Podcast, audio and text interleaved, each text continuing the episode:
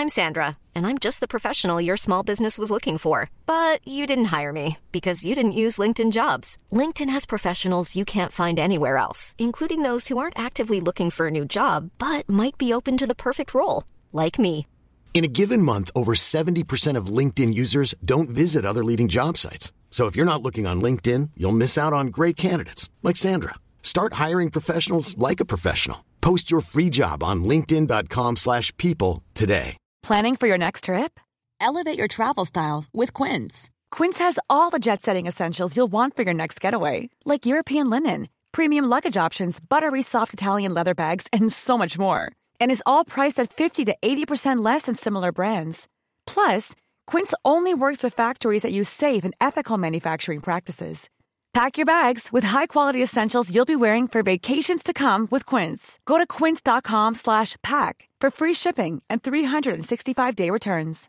Want flexibility? Take yoga. Want flexibility with your health insurance? Check out United Healthcare Insurance Plans. Underwritten by Golden Rule Insurance Company, they offer flexible, budget friendly medical, dental, and vision coverage that may be right for you. More at uh1.com. Palmemordet, gärningsmannaprofilen del 1. Först lite formalia. Jag har flyttat en del av verksamheten här från podden till Facebook, facebook.com palmemordet. Där kommer jag fatta beslut om vilket nästa spår blir. Och där kan ni även då prata med mig. Så gå gärna dit till facebook.com palmemordet. Väldigt få har gjort det, ungefär 1% så att eh, fler är välkomna. Eh, posta gärna offentliga saker på den gruppen istället för att skicka privata meddelanden till mig för att då slipper jag upprepa mig och svara på samma frågor flera gånger och så. Det skulle uppskattat. Stort tack till våra patrons som finansierar den här podcasten. Du kan också sponsra podcasten på patreon.com palmemordet. Det är så vi vet vilka spår som är finansierade. Och det är så jag bestämmer vilket spår jag ska ta upp härnäst. Eh, om vi får några sponsorer till där så kan vi nå fram till Walkie-Talkie-männen som skulle vara ett ganska roligt spår. Vi har också jugoslaven Ustasja och Chile finansierade. Jag har läst in mig på Christer Pettersson och jag hoppas eh, få göra de avsnitten snart. Jag har flyttat Christer Pettersson till att bli ett mycket billigare mål så att vi verkligen ska kunna göra det. Och Eh, ja, det går bra att sponsra mig med Paypal och Swish också. I så fall skicka ett meddelande på Facebook så får ni detaljer. Det har flera av er gjort. Tack så mycket för det. Idag ska vi prata om gärningsmannaprofiler. Kommer att förkortas GMP i allmänhet och om metoden överhuvudtaget går att tillämpa på Palmemordet.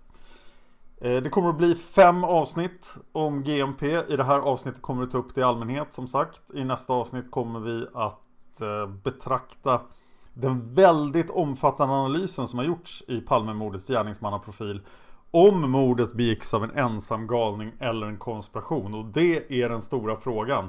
Ja, inte lika stor som vem sköt Palme, men en väldigt stor fråga i det här sammanhanget. Det är alltså nästa avsnitt. I tredje avsnittet ska vi få möta gärningsmannen eller åtminstone den person hur den personen är som borde vara gärningsmannen. Det är själva gärningsmannaprofilen. I det fjärde avsnittet kommer vi att se över 86 spår som eh, GMP kommer att leda till. Och i det femte avsnittet kommer vi ta upp eh, den kritik som har gjorts av den här gärningsmannaprofilen.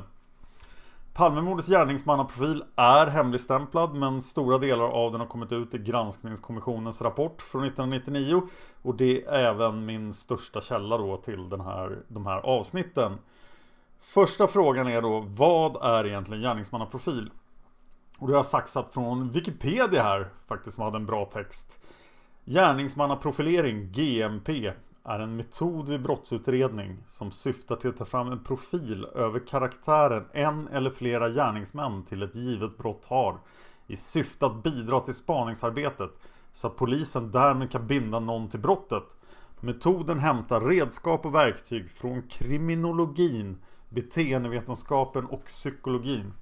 Profileringen syftar framför allt till att kartlägga den okände brottslingens motiv och strategier. I arbetet med gärningsmannaprofilering ingår rättsläkare, kriminaltekniker, rättspsykologer samt erfarna poliser.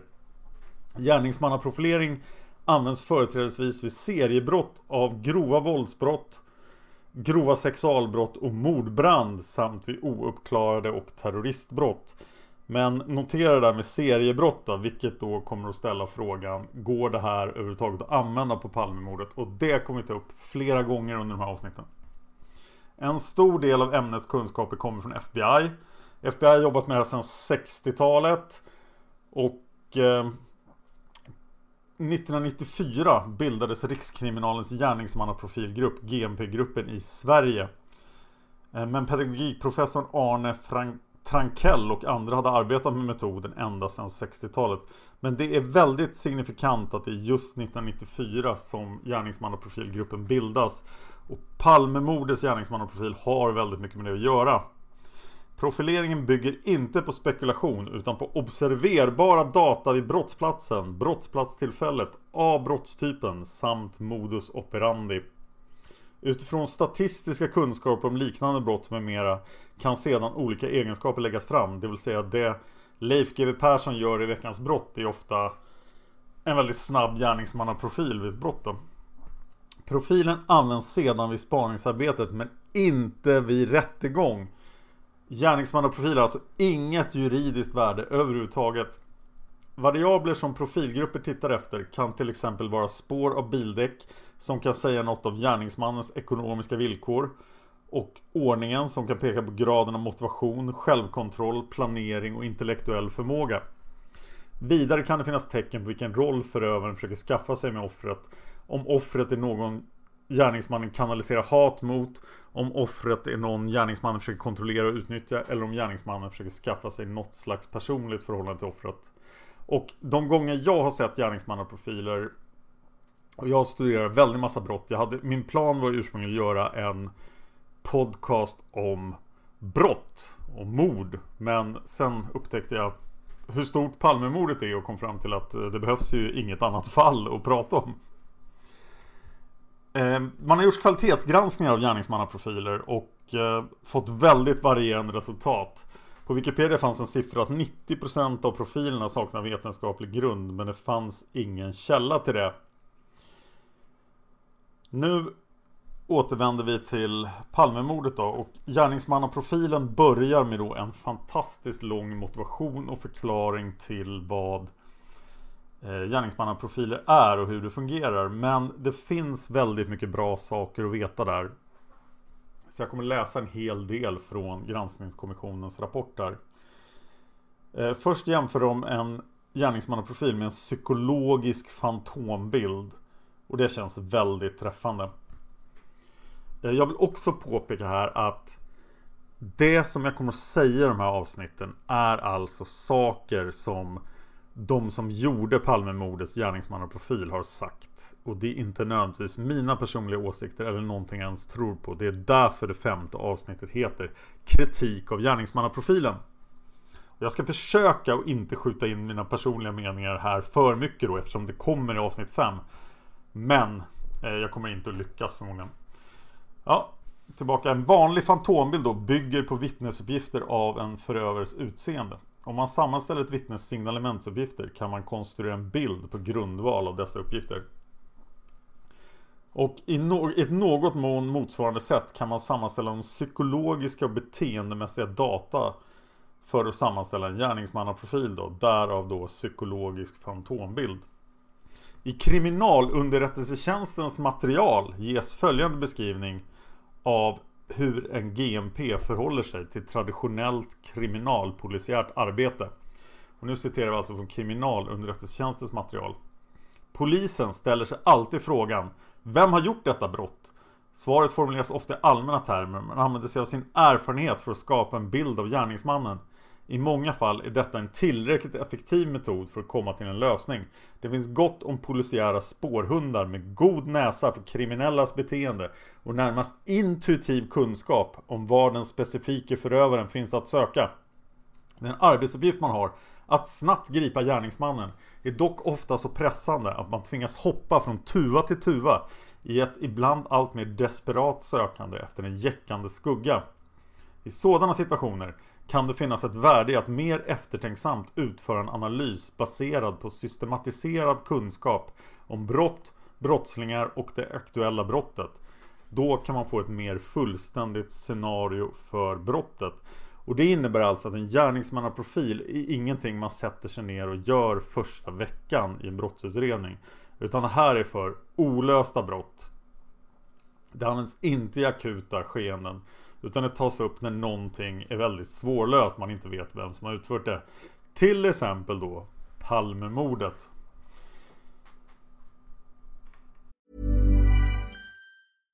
How would you like to look five years younger? In a clinical study, people that had volume added with Juvederm Voluma XC in the cheeks perceived themselves as looking five years younger at six months after treatment. Look younger, feel like you. Add volume for lift and contour in the cheeks with Juvederm Voluma XC. Reverse signs of aging by adding volume to smooth laugh lines with Juvederm Volure XC. For important safety information and to find a licensed specialist, visit juvederm.com. That's J U V E D E R M.com. Not for people with severe allergic reactions, allergies to lidocaine, or the proteins used in Juvederm. Common side effects include injection site redness, swelling, pain, tenderness, firmness, lumps, bumps, bruising, discoloration, or itching. There's a risk of unintentional injection into a blood vessel, which can cause vision abnormalities, blindness, stroke, temporary scabs, or scarring. Talk to a licensed specialist to find out if it's right for you.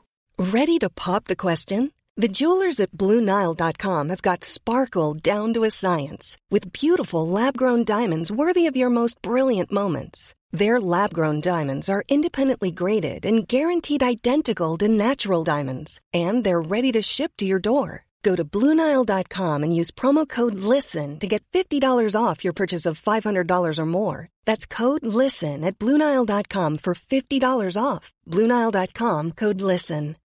Millions of people have lost weight with personalized plans from Noom, like Evan, who can't stand salads and still lost 50 pounds. Salads, generally, for most people, are the easy button, right? For me, that wasn't an option. I never really was a salad guy. That's just not who I am. But Noom worked for me. Get your personalized plan today at Noom.com. Real Noom user compensated to provide their story. In four weeks, the typical Noom user can expect to lose one to two pounds per week. Individual results may vary. Massmedias skildring av gärningsmannaprofiler har tyvärr såväl i Sverige som utomlands gett en romantiserad bild med överdrifter av dess betydelse och underdånig behandling av dess utövare. I själva verket är det en omständlig metod att försöka komma till rätta med svårlösta brott varvid inslag av heroism lyser med sin frånvaro. Alltså hårt systematiskt arbete. I samband med att viss kritik mot metoden redovisas heter det vidare De som beställt profiler måste veta att profilen är en sannolik approximation i syfte att fokusera utredningen.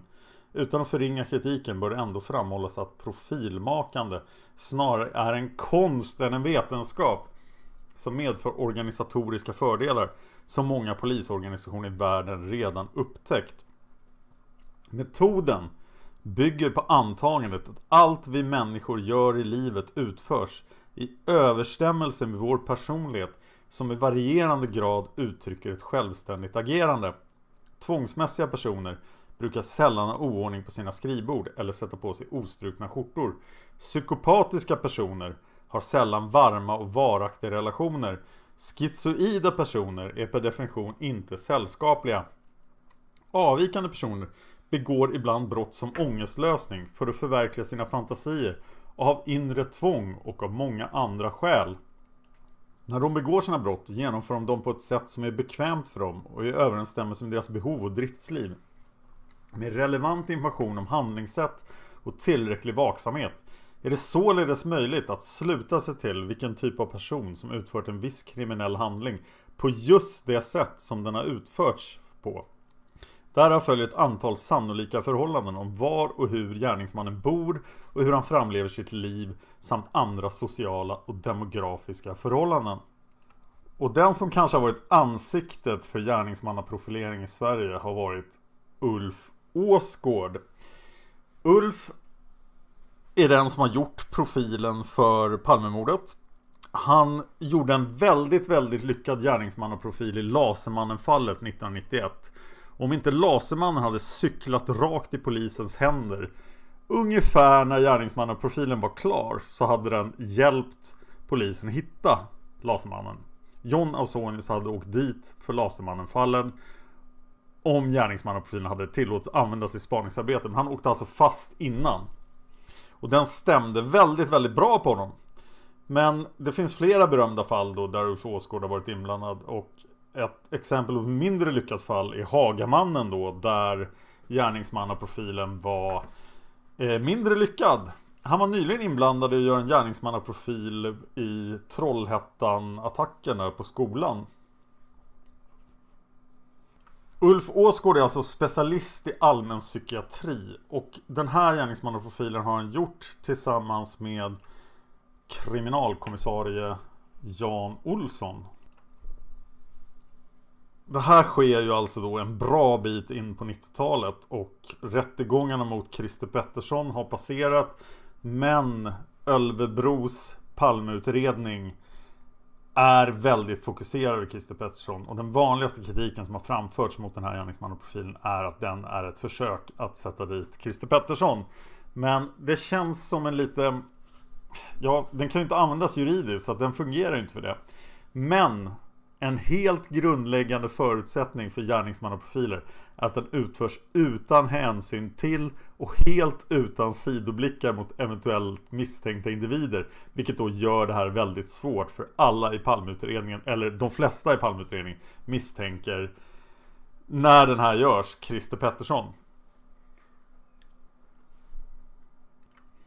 Det är inte bara så att den som utarbetar en gärningsmannaprofil inte använder data om eventuella misstänkta.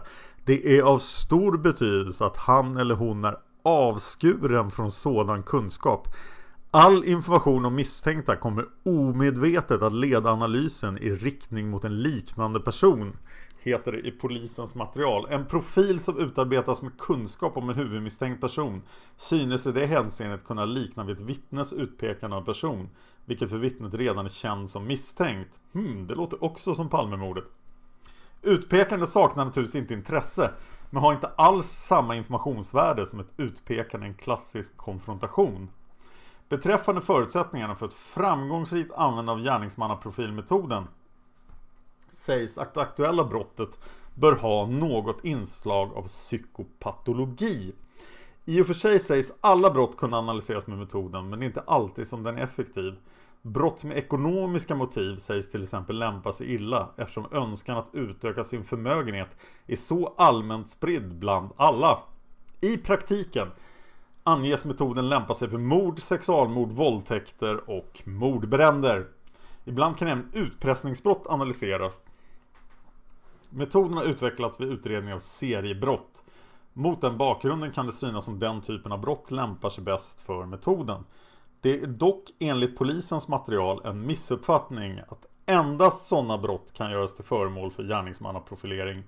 Det är visserligen så att seriebrott alstrar stora material men även enstaka brott innehåller i allmänhet så mycket utslag av beteende att motiv, valstrategier och personlighet kan beskrivas. Det avgörande för metodens användbarhet synes med andra ord vara den mängd information som kan utläsas. Inte om det i och för sig är fråga om en eller flera brottsliga gärningar. Den redogörelse vilken här citeras är relativt utförlig och återhållsamt. Likväl synes metoden som den beskrivs i det svenska materialet vara omgiven av viss mystik och en del hemlighetsmakeri.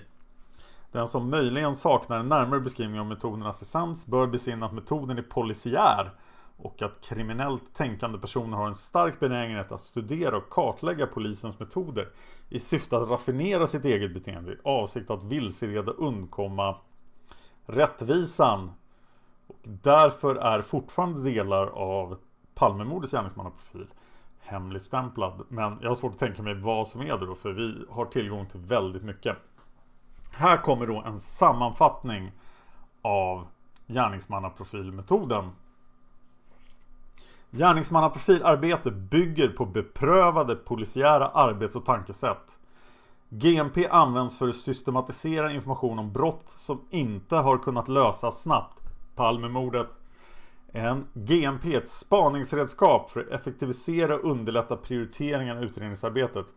En GMP är inget bevismedel och kan inte användas som stöd för ett åtal i domstolen eftersom en GMP aldrig bevisar något om en viss individ. Den som utarbetar en gärningsmannaprofil ska inte ha någon information om eventuella misstänkta. För att en gärningsmannaprofil ska bli användbar bör brottet innehålla något inslag av psykopatologi. Psykopatologi är alltså den vetenskapliga studien av psykiska sjukdomar. Eh, det låter märkligt, alltså för att man ska kunna använda en GMP så måste man Måste gärningsmannen vara knäpp på något sätt? Hmm. Ja, vi fortsätter sammanfattningen. Mord, sexualbrott och eldsanläggningar är brott där en GMP typiskt sett är användbar. GMP-metoden kan användas även då det inte rör sig om seriebrott. Ju mer information som, om brott, som brottet och gärningsmannen avsatt desto mer precis kan en GMP bli. Och den sista punkten är en gärningsmannaprofil är inte en vetenskaplig produkt. Och den är viktig att komma ihåg. Ja, Palmemordets gärningsmannaprofil som vi kommer att presentera i avsnitt 3.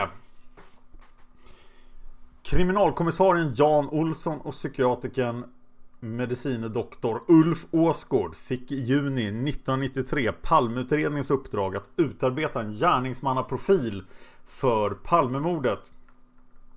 Gärningsmannaprofilarbete var 1993 ingen helt etablerad arbetsform i Sverige.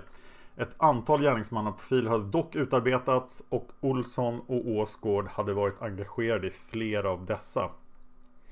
Det finns en promemoria från juli 1993 ur vilket ett utdrag finns intaget i den slutgiltiga GMP-dokumentationen där Ulf Åsgård beskriver förutsättningarna för det här arbetet. Och han ansåg allmänt att förutsättningarna för att utarbeta en gärningsmannaprofil om Palmemordet var goda men varnade för vissa svårigheter. En var att utgångsmaterialet enligt Ulf Åsgård syntes magert, något han dock inte ansåg sig kunna ha en säker uppfattning om förrän han tagit del av det. Ett större problem var den information såväl han som Jan Olsson redan besatt om mordutredningen. Den största svårigheten tog det dock ligga i den mängd information vi har om misstänkta. Det gäller självfallet främst Christer Pettersson. I sedvanligt GMP-arbete eh, är grundregeln då att man inte ska ha någon information om misstänkta. Åsgård uppfattade dock dessa svårigheter som delvis överkomliga. Han föreslog att erfarna specialister från FBI i sinom tid skulle få ta del av och bedöma den utarbetade profilen. Och det kommer i avsnitt 5, kritik av GMP. Arbetet inleddes. Enligt vad som sägs i den slutgiltiga gärningsmannaprofilen diskuterades resultatet av arbetet i januari 1994 med amerikansk polis vid FBI's Behavioral Science Unit. Därefter kunde en ännu mer precis gärningsmannaprofil formuleras och den presenterades i sin tur för hela Palmeutredningen i februari 1994. Ytterligare bearbetningar följde och den slutgiltiga gärningsmannaprofilen var klar i maj 1994 och det är den vi kommer att presentera i avsnitt 3. Gärningsmannaprofilen omfattar originalversion 116 sidor exklusive bilagor. Härav utgör själva profilen, det vill säga vårt avsnitt 3, mindre än 10 sidor. Rapporten innehåller en relativt utförlig översikt över själva metoden, använt material och tidigare attentat mot statsmän och andra prominenta personer. Därefter följer redovisning av kunskap om offret, kriminaltekniska fakta inklusive en rekonstruktion av morddagen och Olof Palmes agenda månader före mordet. I angivna delar utgör rapporten en sammanfattande redovisning av centrala delar av utredningen. På grundval av det således sammanställda materialet formulerades vissa hypoteser. Och det kommer vi att prata om i avsnitt 2. Författaren av gärningsmannaprofilen konstaterade att Palmemordet är ett eldorado för den som är intresserad av vittnespsykologiska frågeställningar. Att mycket av informationen är utan värde för utredningen men att det har ställt till en hel del problem. Författarna hade därvid gjort följande iakttagelser. Iakttagelse nummer ett. En del vittnen lägger till viktiga fakta vid senare förhör som aldrig nämnts i samband med första förhöret. Och det har vi ju märkt i våra vittnesavsnitt, eller hur? 2. En del vittnen anpassar uppenbarligen sin information vid senare förhör till information som de fått från annat håll. 3. En del vittnen beskriver intressanta förhållanden men deras berättelse motsägs helt eller delvis av information från andra som skildrar samma förlopp. Skandiamannen. 4. En del vittnen lämnar information som är uppenbart eller nästan uppenbart fantastisk. Ett antal förhållanden anfördes som var för sig eller i kombination kunde förklara förekomsten av den otillförlitliga informationen som på detta sätt finns i Palmeutredningen. Förklaringen skulle kunna vara pseudominnen, minnen som uppstått under inverkan från andra informationskällor. Vittnens önskan att hjälpa polisen att lösa brottet som leder till anpasslighet av de egna upplevelserna och till och med mytomani och besläktade beteenden. Det, vittnenas, vittnesmålen och deras dåliga kvalitet kan påverkas av vittnens önskan att komma nära en historisk och sensationell händelse. De kan ha fått influens från rapporteringen av media och från vänner och arbetskamrater. Vittnen har påverkats av journalister som talat med dem, vilket i sin tur har påverkat vittnenas utsagor. Vissa vittnen kan ha psykisk sjukdom och instabilitet, allt från ordinära krisreaktioner till kronisk schizofreni. Och Åsgård och Olsson påpekar även att girighet till följd av belöningen kan vara en försvårande faktor för att göra en gärningsmannaprofil för Palmemordet. I några fall har det förekommit att uppgiftslämnare återkommit till Palmeutredningen och medgett att de lämnat otillförlitliga eller direkt falska uppgifter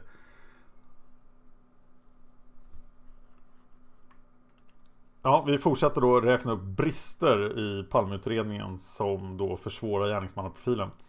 Och en sån brist är att samtliga besökare av den filmföreställning paret Palme bevistade har förhörts. Däremot saknas det förhör med flertalet besökare av andra föreställningar på Grand. Mötet mellan offer och gärningsman eller konspiratör kan ju ha skett på eller in vid biografen. Med stor sannolikhet förföljdes Palme från biografen. Alla iakttagelser från detta område är bland annat därför av stort intresse. Jag kommer förmodligen lägga upp ett spår som heter Grand vittnen förr eller senare. För vi måste ju prata om alla vittnen vid biografen Grand. Eh, paret Palmes ekonomiska situation är inte tillräckligt belyst och det är då också en svårighet för gärningsmannaprofilen. Det saknas helt en redovisning av de ekonomiska omständigheterna före och efter brottet. Ingenting i den övriga informationen tyder dock på att det finns något i de ekonomiska omständigheterna som skulle förklara brottet. Och här kommer en ganska intressant påpekande. Redovisningen av de vid mordtillfället aktuella hemliga diskussioner som Olof Palme förde ter sig ofullständig eller inte slutligt utvärderad. Det är förståeligt att det är så och det är inte sannolikt att gåtansvar finns i detta avsnitt. Men fullständig säkerhet är svår att uppnå. En rekonstruktion av brottet med hjälp av offrens kläder hade sannolikt varit till viss hjälp. En sån rekonstruktion ska ske och den skedde även senare då. Eh, ja, Åsgård och Olsson påpekar vidare då, för de håller fortfarande på att rada upp svårigheter med att göra gärningsmannaprofilen. När de har tittat på materialet. Och de säger att i påtagligt många förhör med vittnen har inte vittnenas egen klädsel karaktäristika i övrigt och ofta inte heller deras eget beteende redovisas. Denna brist försvårar påtagligt möjligheten att särskilja de olika, olika aktörerna i ett förlopp, vilket delvis är en förutsättning för en rekonstruktion av brottet. Och det här är ju faktiskt helt fantastiskt. För när jag läser andra brottsutredningar, då är det här det första man gör med vittnen när man förhör folk. Vad hade du på dig? Och vad gjorde du? Och sen konstaterar de då, ja den här personen är förmodligen det här andra vittnet. Till exempel mordet på Ida Johansson i Upplands Väsby 2015 då. Det, mycket av lösningen på det kom med att de väldigt noggrant hade identifierat alla personer som so man såg i eh, motionsspåret. Ja, vi fortsätter klaga på Palmeutredningen då med eh, Ulf Åsgård och Jan Olssons synpunkter. Lisbeth Palmes bakgrund och personliga förhållanden är ofullständigt belysta. Det har inte genomförts någon rättsmedicinsk undersökning av Lisbeth Palme Fotografier av hennes kläder och information från rättsläkarna har i viss mån kompenserat denna brist. Också en stor skandal, vi har kanske pratat om det här tidigare till och med. En samtidshistorisk analys av det som kallas Palmehatet och en mätning av dess utpräglingsgrad under Palmes sista levnadsår hade varit av stort värde för att närmare förstå vad som eventuellt styrt eller motiverat en gärningsman. A lot can happen in three years, like a chatbot may be your new best friend. But what won't change? Needing health insurance. United Healthcare Tri Term Medical Plans, underwritten by Golden Rule Insurance Company, offer flexible, budget friendly coverage that lasts nearly three years in some states. Learn more at uh1.com. Hey, it's Danny Pellegrino from Everything Iconic. Ready to upgrade your style game without blowing your budget? Check out Quince. They've got all the good stuff shirts and polos, activewear, and fine leather goods, all at 50 to 80% less than other high end brands. And the best part? They're all about safe, ethical, and responsible manufacturing. Get that luxury vibe without the luxury price tag. Hit up quince.com slash upgrade for free shipping and 365 day returns on your next order. That's quince.com slash upgrade. Hi, I'm Daniel, founder of Pretty Litter. Cats and cat owners deserve better than any old fashioned litter. That's why I teamed up with scientists and veterinarians to create Pretty Litter. Its innovative crystal formula has superior odor control and weighs up to 80% less than clay litter. Pretty Litter even monitors health by changing colors to help detect early signs of potential illness. It's the world's smartest kitty litter. Go to prettylitter.com and use code ACAST for 20% off your first order and a free cat toy. Terms and conditions apply. See site for details. Eh, sen kommer då ett avsnitt som eh, jämför mordet på Palme med andra mord. Och det avsnittet verkar fortfarande vara hemligstämplat då. Men det finns en sammanfattning. Där Åsgård och Olsson konstaterar att flera skillnader framkommer när man jämför mordet på Olof Palme med mord på andra prominenser. Så viktiga personer. Och här är då skillnaderna. Det är ovanligt att ett attentat utförs utan att det finns något skydd av offret. Det är ovanligt att attentat sker så sent på kvällen. Det är ovanligt att offrets hustru attackeras även om hon är närvarande. Det är ovanligt att det inte finns ett lätt identifierbart motiv till mordet. Till följd av dessa ovanliga förhållanden tillkommer därför några andra förhållanden som karaktäriserar Palmemordet. Och det är fyra stycken. Gärningsmannen har kommit ovanligt nära sitt offer. Gärningsmannen har getts möjlighet att skjuta den person som befann sig närmast offret. Gärningsmannen har kunnat fly från platsen. Och attentatet har därför blivit ett spaningsmord. Och sen formulerar... Nu börjar vi närma oss gärningsmannaprofilen här men... Åsgård och Olsson formulerar fyra hypoteser då som de arbetar med fyra olika varianter som Palmemordet skulle kunna uppstå. Och även om deras slutsats kanske inte är den slutsats du har om Palmemordet så är de här fyra hypoteserna väldigt intressanta. För något, på något av de här sätten hände det ju.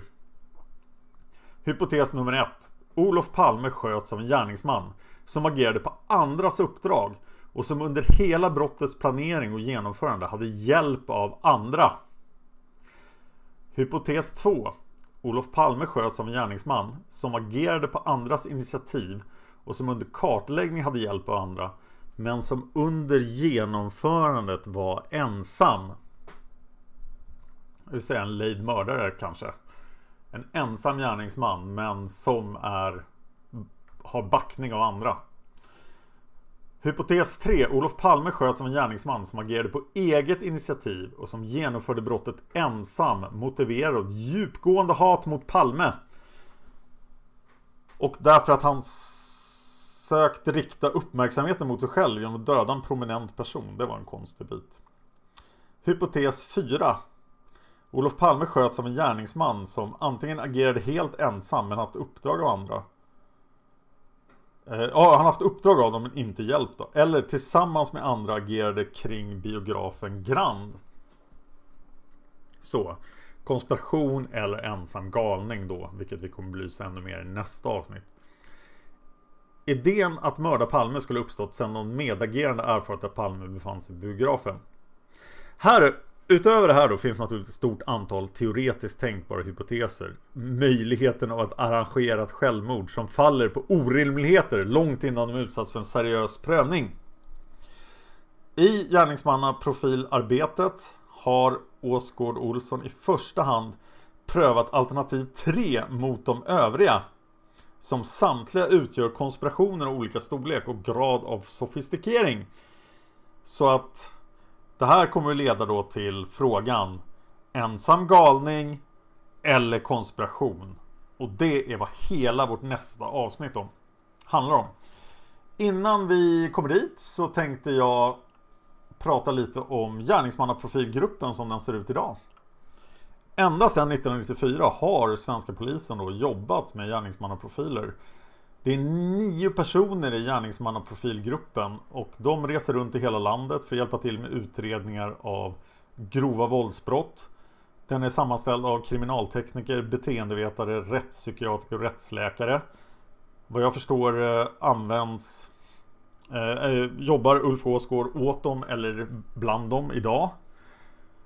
Och gärningsmannaprofilgruppen hjälper till vid ett 20-tal utredningar varje år.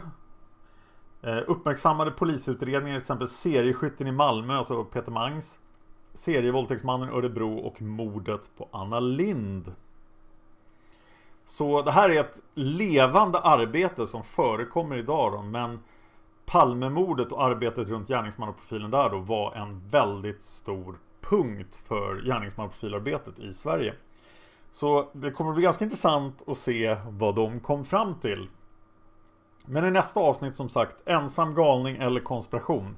Och det här är den största, mest omfattande officiella analysen av den frågan som har gjorts. Och jag tycker att de är väldigt, att det är väldigt intressant då. Eh, Ja, nu lite mer formalia här på slutet av podden. Om du är en sponsor på Patreon och du vill att jag i podden ska göra reklam för någonting som du gör, alltså någon podcast eller någon blogg eller något sånt där, så hör av dig till mig innan midsommar 2016 på eh, Facebook. Så kommer jag att eh, lägga in en liten reklam på slutet av podden.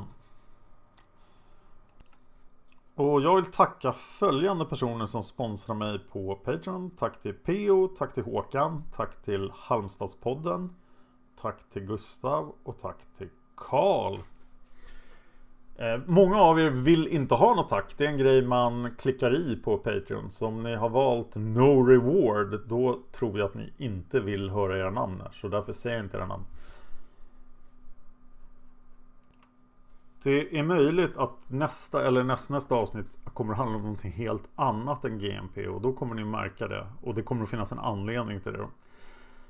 Eh, Palmemordet finns som sagt på facebook.com Palmemordet. Ni kan nå mig på Twitter. Att Dan Horning då, för Ö funkar inte. Jag skulle även här vilja nämna att jag gör ju fyra andra podcasts och nu har Game of Thrones börjat igen. Jag gör en engelsk podcast om Game of Thrones med en kille som heter Thomas. Den heter Game of Thrones Chat. Så om ni vill höra mer om mig så kan ni lyssna på Game of Thrones podcasten också. Finns på Youtube-kanalen Hard Nerd Café. Finns också på iTunes. Jag kommer lägga in en länk till Game of Thrones Chat i kommentarerna till det här avsnittet. Och det var nog allt jag hade att prata om den här gången. Tack för att ni lyssnade på Palmemordet och vi ses nästa vecka.